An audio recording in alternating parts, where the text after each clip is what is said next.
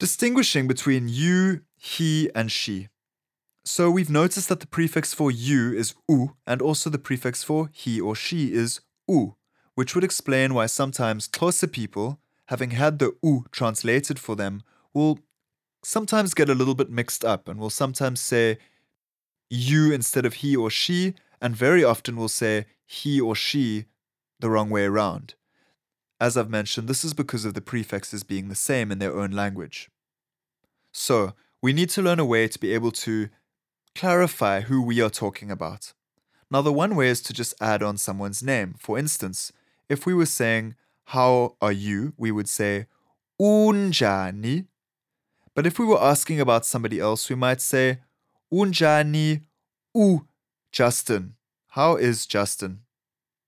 But we could also use pronouns. Now, we already know one pronoun, the pronoun for you or yourself, which is wena. The pronoun for him or herself is yena. So, how are you? Unjani wena. How is he or she? Unjani yena.